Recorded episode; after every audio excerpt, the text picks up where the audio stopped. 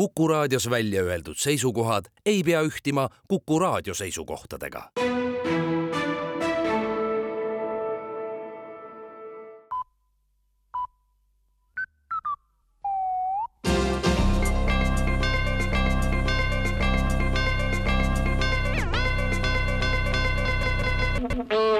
uudised on eetris ja stuudios Rohke Debelak valitsuse tellitud värske korruptsiooniennetusele suunatud analüüs näitab, et senine praktika, kus korruptsioonis süüdistatud ametnik või minister astub tagasi või vabastatakse ametist, ei anna positiivseid tulemusi kui inimesed omal ametipostil edasi töötaksid, aitaks see korruptsiooni pikemas perspektiivis vähendada ja lõpuks ka välja juurida. Hetkeolukord, kus süüdistuse saanu astub tagasi, toob kaasa selle, et tema asemele tuleksid uued inimesed, kellel varem ei olnud võimalust korruptsiooniga tegeleda ja mõne aja pärast tuleks jälle süüdistused päevakorral. kui ükski korruptant enam tagasi ei astuks, vaid jääks oma ametipostile alles, siis pikkamisi saaksid ametnike pangaarved täis ja neil kaoks motivatsioon korruptiivselt käituda. kui aga pidevalt tuua võimu ja võimaluste juurde uusi neljaseid tegijaid, siis ei kaogi korruptsioon mitte kunagi, märgitakse analüüsis ja lisatakse, et pidev korruptsiooni vastu võitlemine ainult tekitab seda juurde ja tuleks seetõttu lõpetada.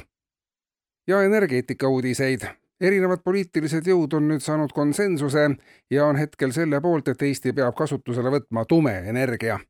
kõige parem on selleks ehitada maailma esimene tumejaam kuna tumeenergiat on universumis teadlaste sõnul isegi rohkem kui nii-öelda tavalist ainet või energiat, siis perspektiivi selles suunas liikumiseks on küllaga. ka kliendid on tumeenergiale üleminekuks aastate jooksul ette valmistatud, sest enamik inimesi on selles vallas üsna tumedad ja kogu energeetika ülesehitus ja hinnakujundus on piisavalt hämar, et sealt on tumeenergiale üleminek vaid väikese pingutuse taga, teatavad parteid ühisavalduses uuringud aga näitavad, et märkimisväärsel osal eestimaalastest on tekkinud libeduse vastased antikehad. peamiselt saavutatakse immuunsus kukkumise läbi ühe korra kukkumine inimesele veel erilist kaitset ei anna, teist korda kukkumine on aga juba tõhusam, eriti kui esimesest kukkumisest ei ole möödas kauem kui kuus tundi. oluliselt parem on kaitse, kui inimene on kukkunud kolm korda ja pandud ühe korra kipsi. kõige parem libedusevastane immuunsus tekib aga, kui inimene on ennetavalt ennast lasknud kolm korda kipsi panna ja lisaks sellele vahepeal ka kaks korda kukkunud ja on nüüd üleni kipsis, moodustades ühe suure tervikliku kipsist antikeha mida ei ole enam võimalik kuidagi kahjustada.